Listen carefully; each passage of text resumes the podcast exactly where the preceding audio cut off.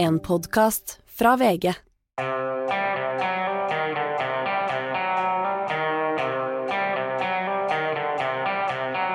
Ikke visste jeg at alle disse dagene som kom og gikk, det var selve uke 48, og i dag er det 1. desember, og vi åpner første luke i adventskalenderen.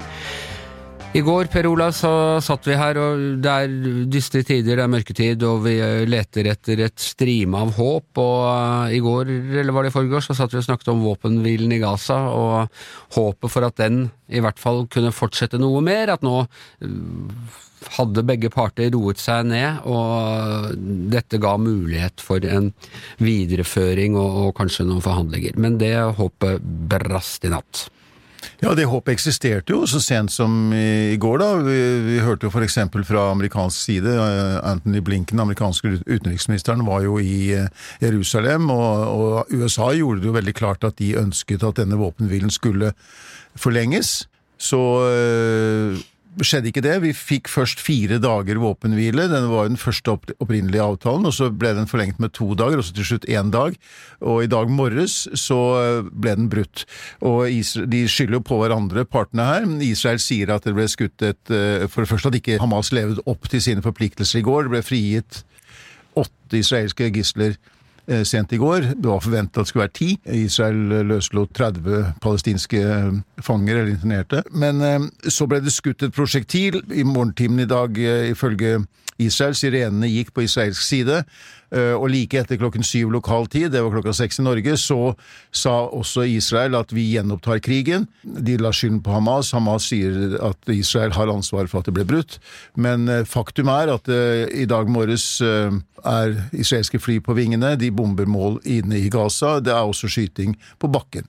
Og krigen er igjen i gang. Og Det betyr vel egentlig at Israel har sett det hensiktsmessig nå av å fortsette krigen? For det er to manglende gisler, ett avfyrt prosjektil. Det er sånn man fortsatt kunne ta rundt forhandlingsbordet, går jeg ut fra? Ja, og nå fortsetter det jo i og for seg forhandlinger i Qatar, da. Og det er forhandlinger mellom Israel og Hamas via mellommenn fortsatt. Og det er jo et håp om at man kan få gjenopprettet en våpenhvile. Men jeg tror ikke, for å være realistisk her, at det håpet er så veldig stort akkurat på kort sikt. Fordi... Og hvorfor, hvorfor ønsker ikke Israel en våpenhvile nå? Altså Det vesentlige argumentet for Israel ved å, en, å få denne våpenhvilen, var jo å få ut, gis, få ut israelske gisler. Det er også en del andre nasjonaliteter de, blant de gislene.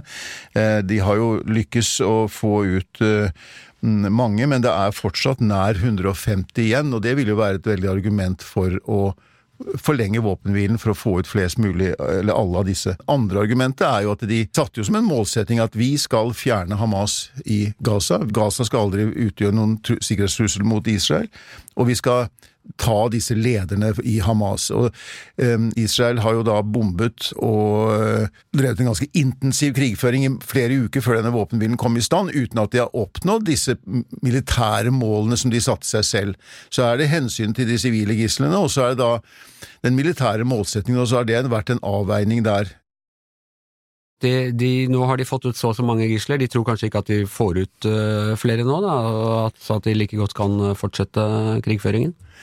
Ja, dette er jo en, et, et skjebnevalg, vil jeg si, da. Og det var jo slik at man hadde i et berettiget håp om at man kunne få ut flere gisler. Israelerne har vært veldig tydelige på å kalle dette en pause i kamphandlingene, ikke at krigen på noen måte var avsluttet. Og det har jo også for så vidt vært sagt fra Hamas' side. De har vært veldig klar på at de er forberedt på at krigen vil fortsette på et, et eller annet tidspunkt. Nå blir jo disse skjebnene til disse nær 150 som fortsatt holdes som gisler, det blir jo nå mer og mer usikker. Det vi også vet, er jo at den humanitære situasjonen inne i Gaza For det første har det ikke vært bomber, for det første det har ikke vært krigshandlinger, men de har også fått inn ganske store mengder med nødhjelp, og det har jo vært til betydelig hjelp. Men det er jo ikke nok til at dette vil vare særlig lenge. Det er bare å utsette det som allerede er en humanitær katastrofe, til å bli en enda større katastrofe i tiden fremover. Ja.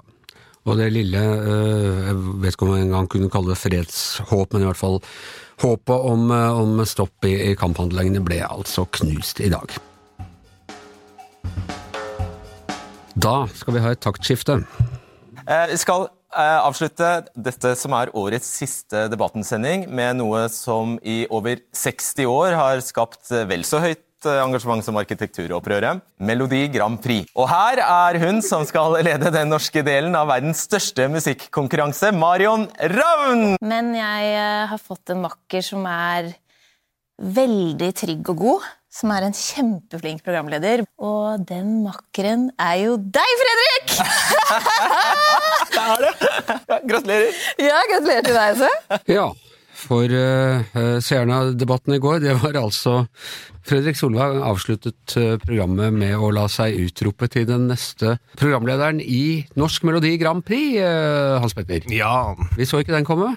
Nei, altså Det var et tåredryppende øyeblikk i norsk TV-historie. Vi sto der og satt i sofaen og så på det der. at uh, Pulsen steg, det var noe spesielt på gang der. Og de stakkarsene som sto der og debatterte fra arkitekturopprøret, de skjønte jo ikke bæret hva som foregikk. Plutselig kom Marion Ravn, tidligere kjent som Meatloaf Marion, kom inn der og, og rulla ut det røde med, med høye, med, med sånne uh, fine sko og alt mulig sånt. Så det var litt sånn Hva, hva skjer nå? Og så viste det seg at det var da så at det var en utroping, en slags kroning av Fredrik Solvang som den nye TV-kongen i Norge. Nå skal han faktisk lede selveste Melodi Grand Prix. Ja.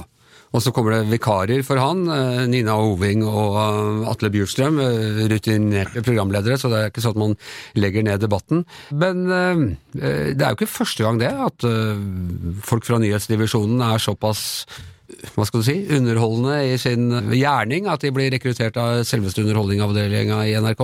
Nei, og det gjør kanskje ikke nyheten så enorm som kanskje vi likte å liksom fremstille som i, i, i VG i går, og det som jeg sa i stad. fordi det er ganske vanlig der at, at det er nyhetsjournalistene som blir debattjournalister og, og programledere og sånn, går videre da i karrieren for ikke størkne i rollen de har. da. Så vi husker jo alle fra da jeg begynte å se på TV som for ordentlig, var jo på, på 80-tallet, og da var jo den som først gjorde det her på, med bravur, var jo Dan Børge Akerø.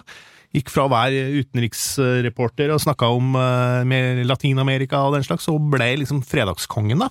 Jeg kan si allerede før det, men nå må vi tilbake så bare Per Olav og jeg husker det, Egil Teige gikk fra Dagsrevyen til å lede, tror jeg, faktisk to norske Melodi Grand Prix-finaler på 70-tallet. Søren, han hadde jeg glemt, for jeg husker også godt Egil Teige, da, men Dan Børge var jo den som virkelig Men da, måtte da må jeg henvende deg til som historiker, og hva du selv, eh, ikke jeg, hva du selv husker. Dan Børge ble jo, han var kanskje den første sånn, entertaineren eh, på norsk TV, sånn, og, og han fikk jo, kom jo etterpå også Petter Nome da, og Klaus Wiese. Per Ståle Lønning, for så vidt. Og så kom jo det store spranget for så vidt da, i, i den sjangeren her, var jo da Ingvild Bryn. Gikk fra å være uh, Dagsrevy-anker, som jeg regner med hun var den gangen, da, Mm. til å bli Hun var korrespondent i USA. Det var hun! Riktig. En stor nyhetsstjerne i, i, i Rikskringkastingen, og, og blei da programleder for den internasjonale Grand Prix-avviklinga i 1996 sammen med Morten Harket. Og Det var altså da Norge, Norge arrangerte. Og Ingvild Bryn gikk tilbake senere til Dagsrevyen og ankrer Dagsrevyen fortsatt, så det er ikke noe sånn at du ødelegger kredibiliteten din eller noe sånt om du leder et Skarve Grand Prix? Nei, for jeg, jeg fikk jo eh, nærmest beskjed om å skrive en kommentar om det her i går, jeg, eh, og gjorde det. Det var morsomt å skrive om Fredrik Solvang, og da tenkte jeg, jeg skulle prøve, nå skal jeg lage en sånn greie da, at eh, har han mistet kredibiliteten, kan han gå tilbake fra den lette underholdninga tilbake til liksom den seriøse debatten, det viktigste debattforumet i, i, i, på, på norske TV-skjermer. Men det er jo en ganske tullete problemstilling, egentlig. For det, det, Solvang er jo en dyktig TV-mann og behersker det her fint, og det har jo Ingvild Bryn vist i alle de år etterpå, så det var ikke noe problem å ha det lille sidespranget i Grand Prix. Så, så lykke til til Fredrik, det må Ja, du bare si. Du må jo si at uh, Fredrik er jo også en velkledd uh, mann, og jeg er bare helt sikker på at det kommer til å være masse spekulasjoner. Hva skal han ha på seg, og hvordan uh, kommer, å, kommer dette til å fungere? Så det, Ja, Han skal jo stå i spissen for Melody Melodi Grand Prix iført spisse dresser og spisse sko, så, så, så det tror jeg ikke er noe problem. Han, det, det klesbudsjettet hans tror jeg er ganske solid allerede i debatten, så det Nei, det, blir- det blir stramt og fint, det. Men du, hva er sånn kred-statusen på Da jeg vokste opp, så var jo Grand Prix eh, Fikk jo det skylden for alt som var vondt her i verden, omtrent. Så har jeg inntrykk av at det var en lang periode hvor eh, Grand Prix har vært helt greit, og eh, hvordan er det nå? For det, før jeg kom inn til Anders, så hørte jeg på våre, våre venner Tore og Haralds podkast, som også er på Podme, selvfølgelig, som snakka om at de skal begynne å omfavne positiviteten. Ja. Det har jo vært veldig artig å, tulle og tøyse med Grand Prix og s- rakke ned på det og si at det er, er jo bare skit og sånn. Men nei, jeg tror ikke det. Jeg tror det her er ganske Det er svært. Det er verdens største musikkonkurranse. Det, eh, det har også et slags demokratiserende element ved seg. Det, det, det, har dratt inn grupper som har vært, tidligere vært undertrykt, og liksom tatt dem inn i sitt hjerte av Grand Prix, og, og nå er Grand Prix en sånn ja, det viser fingeren litt til de landene og, og regimene som, som vil uh, ha et reaksjonært mm. agenda. Så til, I tillegg til det musikalske, som jeg kanskje ikke er rettet til å uttale meg om, siden jeg begynner å nærme meg de 50 og ikke er lenger opplest på dagens populærmusikk, så er det i tillegg til det så er det altså en slags politisk begivenhet. Det, det, det binder Europa sammen, og folk blir veldig glad i det. så og på mange måter så er jo også liksom Grand Prix er jo moren til alle disse Stjernekamp og alle de der nye mer reality-prosjektene, og du har dine favoritter, og det stemmer fram, og det er gøy for hele familien, og det gjør ikke en flue fortred. Det gjør ingen fortred. Tvert imot så viser det fingeren til de som ønsker å gjøre en eh, flue fortred. Ja. Det er en flue i suppa for eh, Putin. Det er helt sant. Det syder og koker i mediegryta, eh, som det gjør hver eneste uke. Og eh, det er den tiden i uka hvor jeg føler meg egentlig på mange måter aller mest privilegert for Norges kanskje travleste mann, Gard Steiro. Eh, riktignok ikke fysisk til stede her i studio, men på direkte linje fra Brussel. Hei, Gard. Ja, eller nå har jeg beveget meg til Antwerpen, der jeg besøker en, eh, noen belgiske kolleger og hører hvordan de jobber med kunstig intelligens i journalistikken. Ok. Interessant, vil jeg si. Ja, som vi vet, det er flere byer i Belgia. Eh, det har, eh, som vi nevnte forrige uke, så skulle det være møte i PFU, hvor VG var klaget inn på to steder, og særlig den ene saken har dominert eh, samtalen i, eh, i eh, mediebobla de siste dagene. Det er altså Hilde Rød Larsen, som sto fram i VG for omtrent et år siden, og varslet mot en psykiater. Dette startet Jeg vet ikke om jeg kan kalle det et skred, men det kom i hvert fall flere varslingssaker mot samme psykiater eh, etter intervjuet med henne, men hun hadde klaget inn VG fordi hun mente at VG hadde forespeilt at disse sakene Hun skulle være den første, og så skulle de andre sakene komme mye raskere. Er det en grei oppsummering av eh, essensen i klagen, Gard? Ja, det er en, eh, en presis oppsummering av den klagen. Uh, Hilde Rød Larsen begynte jo med å skrive en bok uh, der hun skriver om da, en psykiater eller en behandler som utsetter en pasient for overgrep. Og så går hun seinere ut og sier at dette dreier seg om en opplevelse hun har hatt sjøl med en norsk psykiater. Så forteller hun sin historie historie i VG, i et stort intervju i VG. Og så går det en tid etter det intervjuet, og så klager hun VG inn for PFU. Eh, og det PFU da skal vurdere, det er om VG har brutt dette punkt 3.3 ved Varsom-plakaten. Eh, og det handler egentlig om premissene, som man sier, for intervjuet var klarlagt skikkelig fra VG sin side. Hilde Rød Larsen sin eh, opplevelse var at VG lovet henne at det like etter intervjuet skulle komme nye saker med andre kvinner eh, som hadde reagert på den samme psykiateren. Og VG sin påstand var at uh, vi hadde sagt til Hilde Rød Larsen at det skulle vi forsøke å gjøre, men vi kunne ikke love at det kom, eller når det kom. Så har PFU vurdert dette og kommet fram til at VG ikke har brutt presseskikk. At på en måte at man har Vi opptrådde vi var innenfor da Vær varsom-plakatens bestemmelser i måten vi løste dette på. Men så vil jeg òg si at VG får eh, en tilbakemelding her på at dette er en, eh, en altså det er en uheldig situasjon man havner i når en, når en, kilde mister tillit til oss på den måten. Og Det er jeg helt enig med PFU i. Det er aldri bra når folk som står fram i medien da sitter igjen med en med en dårlig opplevelse eh, i ettertid. Så jeg skulle gjerne vært denne saken foruten, men jeg er jo naturligvis glad for og helt enig med PFU at det ikke er et presseetisk overtramp. Og det hun eh, da bl.a. argumenterer for i klagen, er den betydelige belastningen det er å være i en sånn mediedramaturgi hvor du går og venter på noe du vet eller tror eller antar eh, kommer, og så tror du kanskje skjer i morgen, kanskje skjer det eh, i morgen og det. er kanskje sånn folk uten som ikke selv har stått, ikke jobber med journalistikk eller ikke selv stått i, i en sånn medieskandale, helt skjønner hvilken belastning det må være? Er åpenbart en veldig stor belastning. Og jeg, og jeg, har full forståelse for at det var veldig tøft for Hilde Rød Larsen. Når man da i en sånn sak som dette, som er veldig, den er jo veldig personlig, den er vanskelig, det er masse meldinger i sosiale medier, og det å stå alene da eh, det er tøft. To, det tok tre uker, ca. tre uker fra første sak, fra intervjuet med henne, til det kom en ny sak. da. Og Noen vil jo si at tre uker er veldig kort tid, men for den som står i det, så er tre uker lang tid. Men vår argumentasjon overfor PFU er jo at grunnen til at man ikke kan love noe sånt som dette, det er jo at det, i enhver journalistisk sak så kan det dukke opp momenter som gjør at du ikke kan publisere i det hele tatt, kanskje, eller at det blir forsinket. Det kan være faktasjekking som må til, det kan være andre kilder som trekker seg. Og så skal vi òg huske denne saken her så var det jo òg en psykiater som ble utsatt for veldig, veldig hard kritikk. Og han må få tid til å svare. Og han må være i stand til å svare og ha tid til å sette seg inn i den saken. Og det er derfor vi, vi, vi kan ikke gi sånne garantier over at på fredag så kommer det en sak, og på tirsdag kommer det en annen sak, for det kan alltid dukke opp noe.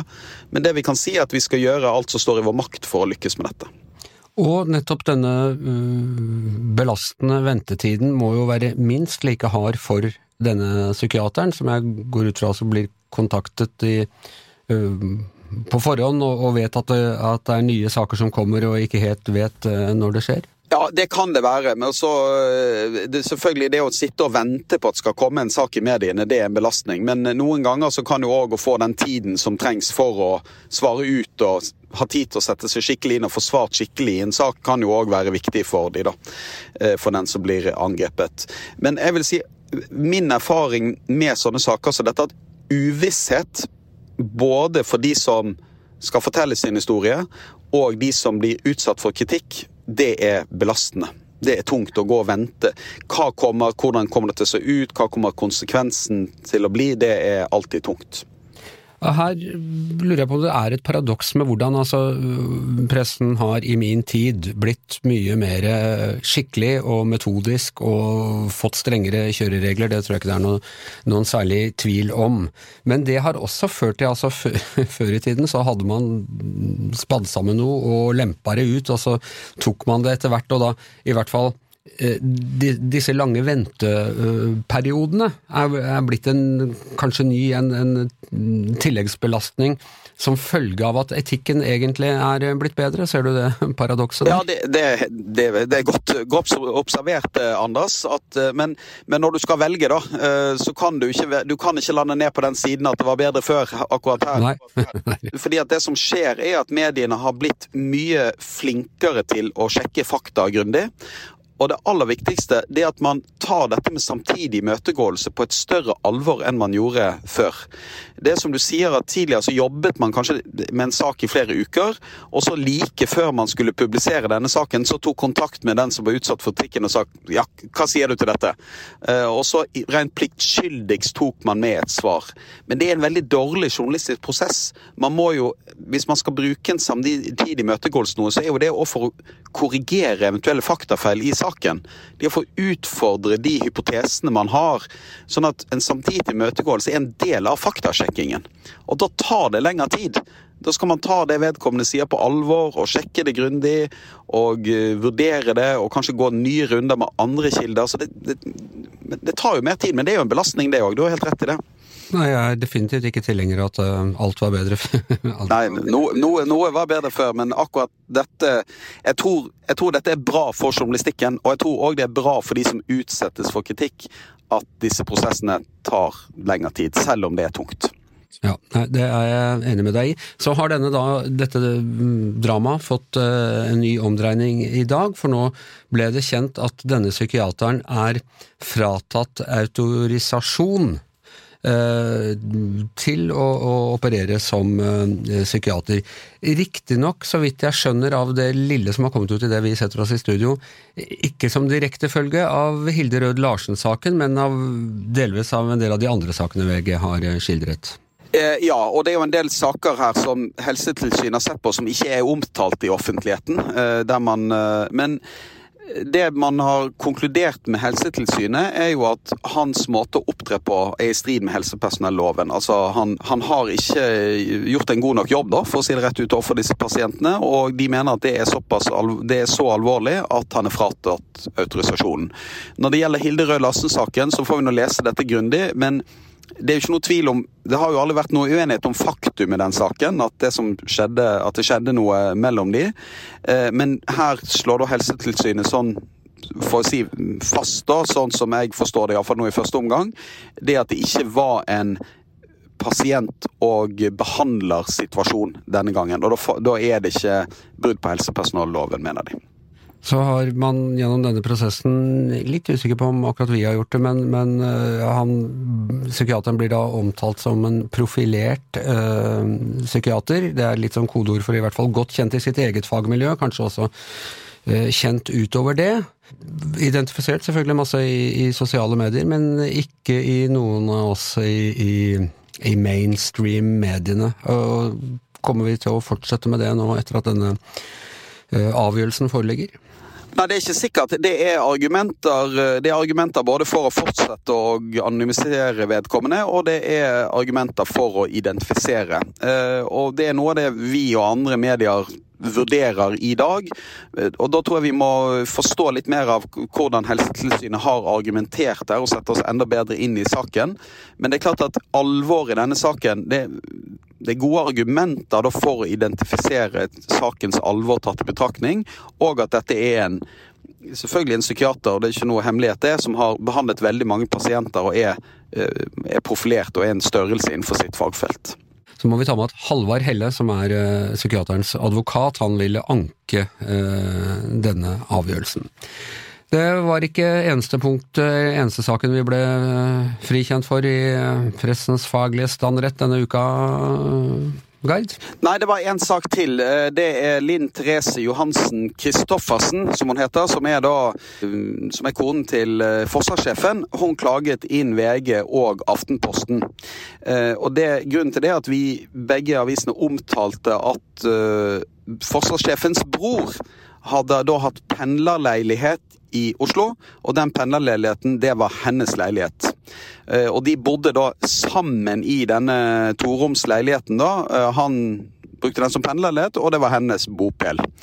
Det har vi omtalt, og så stilte vi da spørsmål ved da hun solgte den leiligheten, om hun da burde eh, skattet da av, av denne av den verdi, gevinsten hun satt igjen med på den boligen. Så, så, spørsmålet var bodde hun egentlig i den leiligheten, eller var hun samboer med forsvarssjefen på dette tidspunkt.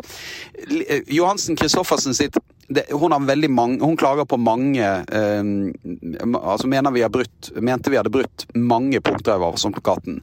Det kanskje det mest interessante er er hun en offentlig person. Bør hun identifiseres hvis du er gift eller samboer med forsvarssjefen, er du da en offentlig person? Bør du da navngis eller anonymiseres? Og Der har jo vi argumentert med at hun er ikke en offentlig person i alle sammenhenger, men akkurat i denne sammenhengen så var hun en offentlig person. Og det har eh, Pressens faglige utvalg da sagt at de er enige med Aftenposten og VG. Altså i sammenhengen som hybelutleier? Ja, fordi at hun For det første så er hun Hun har jo en høy stilling i Forsvaret, hun òg. Dette dreier seg da om en pendlerledighet som er betalt av Forsvaret. Og det har det, Hun er jo da og forsvarssjefens på dette tidspunktet samboer? Altså det, eller kjæreste samboer. Sånn at her er hun en offentlig person. Men det betyr jo ikke at hvis eh, Johansen Christoffersen kjører for fort eller eh, gjør et eller annet annet eh, som ikke er relevant for hennes jobb eller for forsvarssjefen, så er det ikke sikkert at hun er en offentlig person. Mens hvis forsvarssjefen gjør det samme, så er nok han en offentlig person og må regne med eh, mer omtale.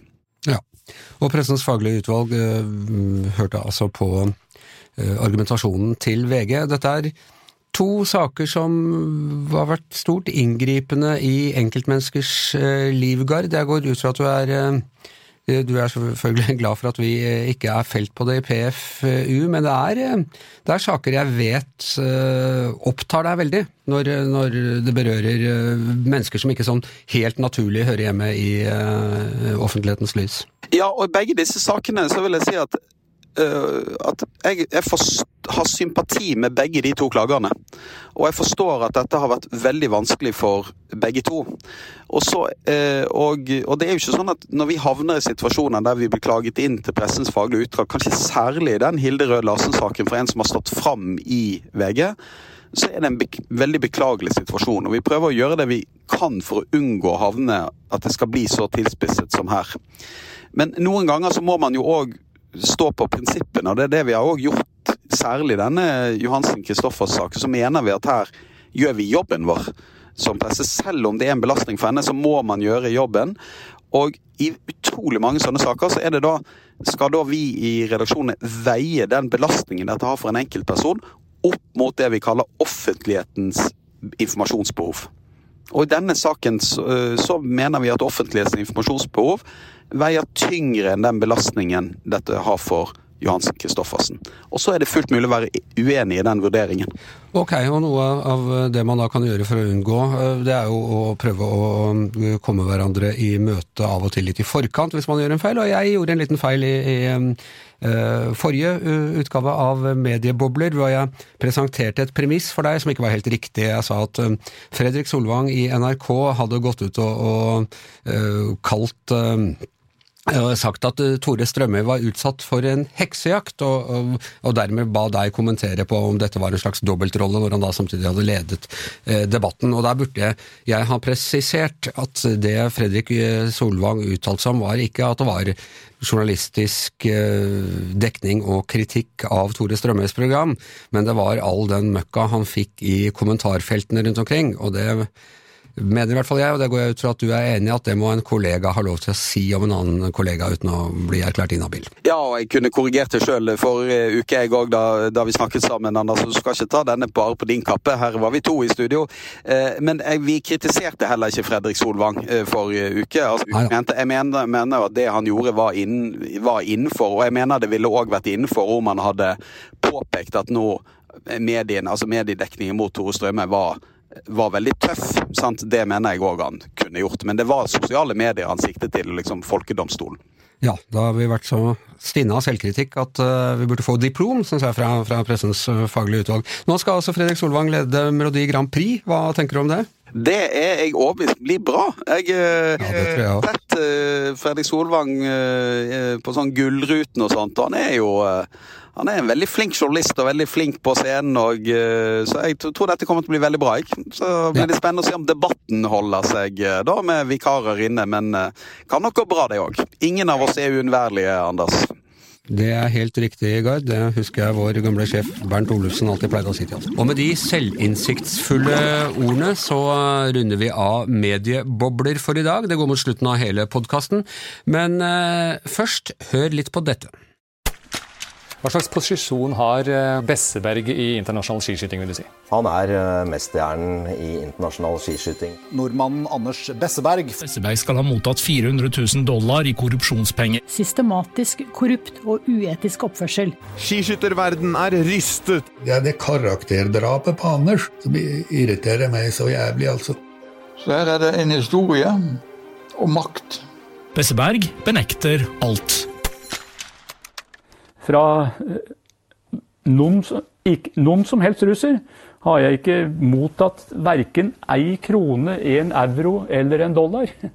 Skandalepresidenten, altså. Det er en eh, podkast å ta med seg uh, inn i helgen fra VGs podkastavdeling.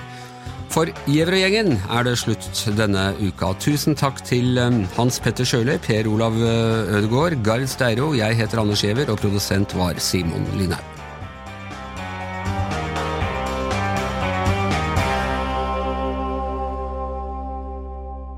Du har hørt en podkast fra VG. Ansvarlig redaktør, Gard Steiro.